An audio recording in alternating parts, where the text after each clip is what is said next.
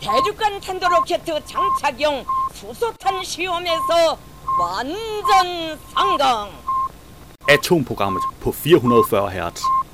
Science is interesting, and if you don't agree, you can fuck off.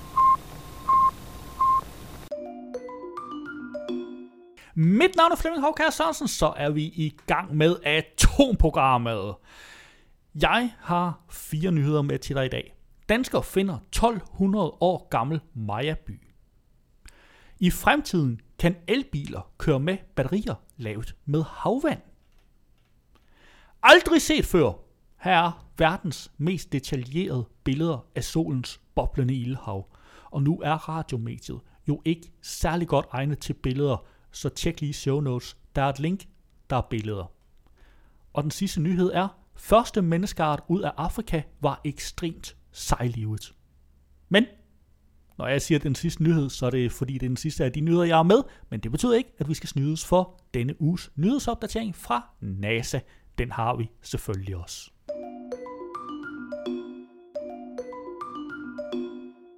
På Ekstrabladet fandt jeg, dansker finder 1200 år gammel Mayaby. En dansk ekspedition bestående af Christian Lygum Christensen, øh, Jona Morella Christensen og Estras Gil drog i sommer ind i Guatemalas jungle i jagten på ruiner fra Maya-kulturen. Ifølge ekspeditionen fandt de en 1200 år gammel og hidtil uopdaget tempelby. Den nyfundne tempelby ligger nord for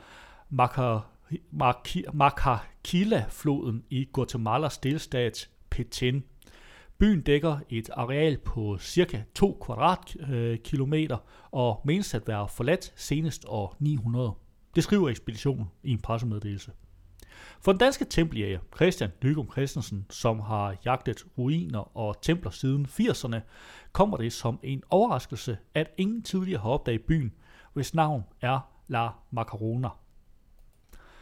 Kun få mennesker inden for Maya-arkeologien har udforsket dette område i Guatemala. Måske fordi ingen har haft de store forventninger til, at der skulle ligge tempelbyer her. Men faktisk fandt vi i sommer flere ruinbyer, som med stor sandsynlighed også er helt nye fund. Det tager dog lang tid at få alle data behandlet af eksperterne, så lige nu kan vi ikke gøre andet end at krydse fingre for, at vores opdagelser registreres og kan bidrage til øget viden om den mystiske Maya-kultur, siger Christian Lygum Christensen i pressemeddelelsen. Ifølge Christian Lygum Christensen har La Macarona været en almindelig lidt større by. Den har seks af de karakteristiske Maya-platforme med mindst 28 sammenfaldende ruiner på toppen. Den største platform er 125 meter lang og 45 meter bred, og den højeste ruin er 10 meter. Platformene er efter alt at dømme opført i senklassisk tid og 600-900, men der er stadig mange ubesvarede spørgsmål om byens historie. Fordi La Macarona blot ligger 15 km øst for den kongelige Maya-by øh, Macarquila, er jeg spændt på, om den kan være identisk med den savnafsbundne tempelby Arkul. Ifølge gamle skrifter blev herskeren Skorpion fra Makarila gift med dronning X fra Arkul omkring år 840, og eftersom den by aldrig er fundet, kan vores fund måske være dronningens fødeby, siger Christian Lygum Christensen. Registreringen af den nyopdagede tempelby er sket i samarbejde med arkeologer fra Guatemala, Tyskland og Østrig. Siden 2013 har Christian Lygum Christensen betjent sig af et lille Cessna-fly til at undersøge det oversette Maya-område vest for byen Poptun. Ifølge ham er det blevet lettere at spotte ruinerne fra luften på grund af den tiltagende jungleafbrænding. Maya-kulturen har de seneste 100 år fascineret både arkeologer, eventyr og lægfolk. Kulturen, som var den største på det amerikanske kontinent, blev næsten udslettet omkring år 900. Den endelige årsag er ikke klarlagt. Først i 1900-tallet begyndte arkeologer at finde nogle af majernes skjulte tempelbyer, blandt andet pyramiden i El Mirador i Guatemala. Den er mere end 70 meter høj og har en volumen på 2,8 millioner kubikmeter. Du kan selvfølgelig finde et link til artiklen i show notes.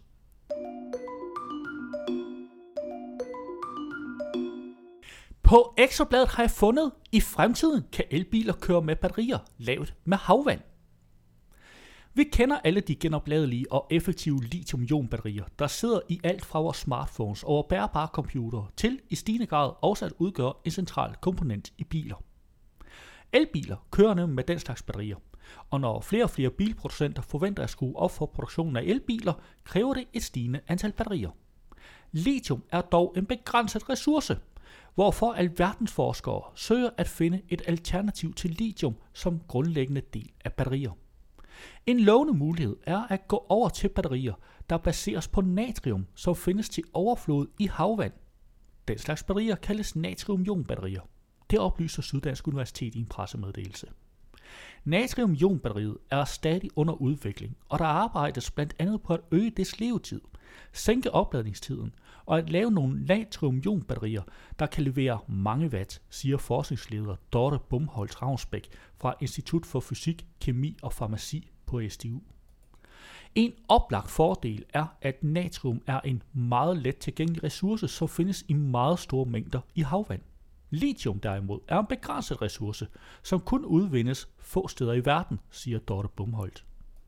En anden fordel er, at natriumionbatterier ikke behøver kobolt, som stadig er nødvendig i lithiumionbatterierne. Størstedelen af den kobolt, der i dag bruges til fremstilling af lithiumionbatterier, udvindes i den demokratiske republik Kongo, hvor minedriften har været hæftigt kritiseret. Desuden kan natriumionbatterier i store træk produceres på de samme fabrikker, som laver lithiumionbatterier i dag.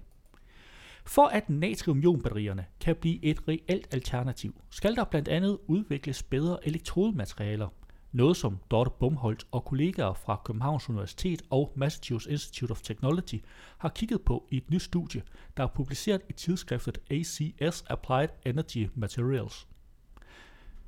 I deres nye studie har Dorte Bumholdt Ravnsbæk og hendes kollegaer undersøgt et nyt elektrodemateriale, der er baseret på jern, mangan og fosfor. Det nye ved materialet er tilsætningen af grundstoffet mangan, som ikke alene giver batteriet en højere spænding, men også bevirker, at batteriets kapacitet øges, og at det sandsynligvis kun vil kunne levere flere watt. Man har set lignende effekt i lithium-ion-batterier, men det er meget overraskende, at effekten bevares i et natrium-ion-batteri, da vekselvirkningen mellem elektroden og natriumioner er meget anderledes end for lithiumioner, siger Dorte Bumholt Ravnsbæk. Hun vil ikke spå om, hvornår vi kan forvente at finde havvandsbaserede natriumionbatterier i vores telefoner og elbiler, for der er stadig en del udfordringer, der skal løses. Blandt andet kan det blive svært at lave små natriumionbatterier.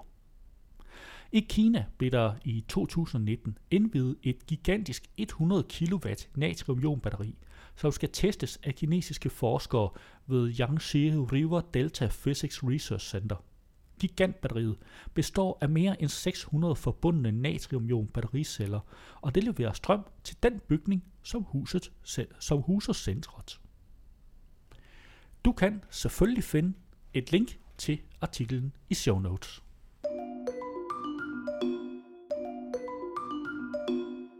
På videnskab.dk fandt jeg, aldrig set før, her er verdens mest detaljerede billeder af solens boblende ildhav. Og nu er problemet med radiomediet jo, at det ikke er et særligt godt medie til billeder, så jeg kan absolut anbefale dig at smutte ind forbi siden og tjekke show notes. Der er et link til artiklen. Et stort teleskop på Hawaii har taget sine første billeder af vores nærmeste stjerne, solen. Det nye teleskop har været i stand til at tage de hidtil mest detaljerede billeder af solens boblende varme overflade. De første billeder fra teleskopet viser, hvordan solen står og koger. Det er ligesom en gryde med havregrød, hvor det koger og bobler. Her er det bare varm plasma, som bobler ud fra solens indre, fortæller Christopher Karoff, som er lektor ved Aarhus Universitet og blandt andet forsker i solen. Han forklarer, at boblerne opstår, fordi de varmeste dele af solens indre bliver transporteret ud til solens overflade med en bevægelse, som kaldes konvektion. Konvektion betyder, at det allervarmeste materiale fra solens indre transporteres ud til den lidt køligere overflade. På den måde bliver overfladen varmere, og det ser vi som lyse pletter på solens overflade, forklarer Christopher Karoff. Det nye teleskop er placeret på toppen af bjerget øh, Haleakala på øen Maui i Hawaii. Og det har taget billeder af solens øh, overflade ved hjælp af et spejl med en diameter på 4 meter. Det er det hidtil største spejl, som har til formål at studere solen, fortæller Christopher Karoff. Grunden til, at man gerne vil have så store teleskoper som muligt, er, at det betyder, at vi kan se endnu flere detaljer på solens overflade. Jo, der, jo flere detaljer du vil have, det større skal arealet af spejlet være, forklarer Christopher Karoff. Han påpeger, at hidtil har det bedste teleskop til at tage billeder af solen været et svensk teleskop, som er placeret på øen La Palma ved Kanarieøerne. Men det svenske teleskop bliver overhalet mange længder af det nye teleskop, siger Christopher Karoff. Teleskopet kan blandt andet også observere magnetisk aktivitet fra solen ved hjælp af to særlige instrumenter, som anvender infrarød teknologi og kompleks optik. Med disse nye værktøjer forventer vi at lære, hvordan solen interagerer med jorden, udtaler professor Jeff Kuhn fra University of Hawaii. Forskerne håber blandt andet, at de nye observationer af solen kan gøre dem klogere på det såkaldte rumvær. Rumværet bliver skabt, når solen med jævne mellemrum udgyder øh, storme af partikler og stråling, som kan ramme jorden og i værste fald gøre skade på vores teknologi. Det er imidlertid ikke fuldstændig uden problemer at rette et teleskop direkte mod solens 6.000 grader varme overflade. Derfor har teleskopet et indbygget kølesystem, som, som skal beskytte det imod de massive mængder varme fra solen. Et andet problem for et teleskop, som står på jordoverfladen, er, at det skal kigge igennem jordens atmosfære. Jordens atmosfære er fyldt med vanddamp og vanddråber, som forstyrrer vores udsyn og lyset fra solen. Man fjerner denne støj ved at ændre på krumningen af teleskopets spejl med en masse motorer, som sidder under spejlet. Der er flere tusinde motorer, som får spejlet til at bevæge sig, og på den måde kompenserer det for bevægelserne i jordens atmosfære, forklarer Christopher Karoff. Indtil videre har forskerne kun taget billeder med det nye teleskop, men ikke gjort nogen videnskabelige opdagelser. Christoph Karoff forventer imidlertid, at teleskopet i fremtiden vil være med til at fravriste solen flere nye hemmeligheder. Lige nu er nyheden blot, at vi har fået taget billeder i endnu højere opløsning end før. Men hvad vi kan bruge dem til rent videnskabeligt, ved vi ikke endnu. Men hidtil har det været sådan, at hver eneste gang vi har fået nye måder at se på solen, har vores forståelse af solen ændret sig, siger Christoffer Karoff. Solen har da også fået ekstra svært ved at holde på sine hemmeligheder. I 2018 sendte det amerikanske rumfartsorganisation NASA en satellit afsted, som skal studere solen fra rummet. Og i næste måned forventes den europæiske rumfartsorganisation ESA at opsende en anden ny satellit, som ligeledes har til formål at studere vores nærmeste stjerne. Du kan selvfølgelig finde et link til artiklen med billeder i CEO Notes. På Historienet fandt jeg, første menneskeart ud af Afrika var ekstremt sejlivet. Homo erectus, der som den første menneskeart gik helt oprejst, overlevede i forbløffende 1,8 millioner år. Det viser en banebrydende undersøgelse, der efter over 10 års anstrengelser slår fast, at 12 Homo erectus kranier fra den indonesiske ø Java er mellem 108 og 117.000 år gamle. De er derfor den yngste kendte forekomst af Homo erectus, udtaler professor Michael Story fra Statens Naturhistoriske Museum i København i en pressemeddelelse. Knoglerne fra Java blev fundet i 1930'erne, men aldrig sikkert dateret. Før nu. Sammen med forskere fra hele verden har Michael Story hjulpet med undersøgelsen, der involverer flere avancerede dateringsmetoder. Homo erectus var den første menneskeart, der forlod Afrika og spredte sig til andre regioner. En gruppe endte på Java, hvor den overlevede i 1,4 millioner år, næsten 300.000 år længere end andre steder. Homo erectus er derfor suverænt den menneskeart, der har eksisteret længst. Til sammenligning har vores egen art, Homo sapiens, kun eksisteret i lidt over 300.000 år. Du kan selvfølgelig finde et link i show notes.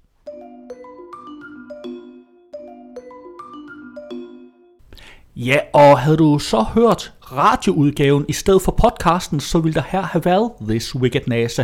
Men vi har kun tilladelse til at sende den i radioen, ikke i podcasten. Du kan dog finde et link til den i show notes. Det var jo, hvad jeg havde for i dag. Vi løs ved næste uge, samme tid, her på kanalen.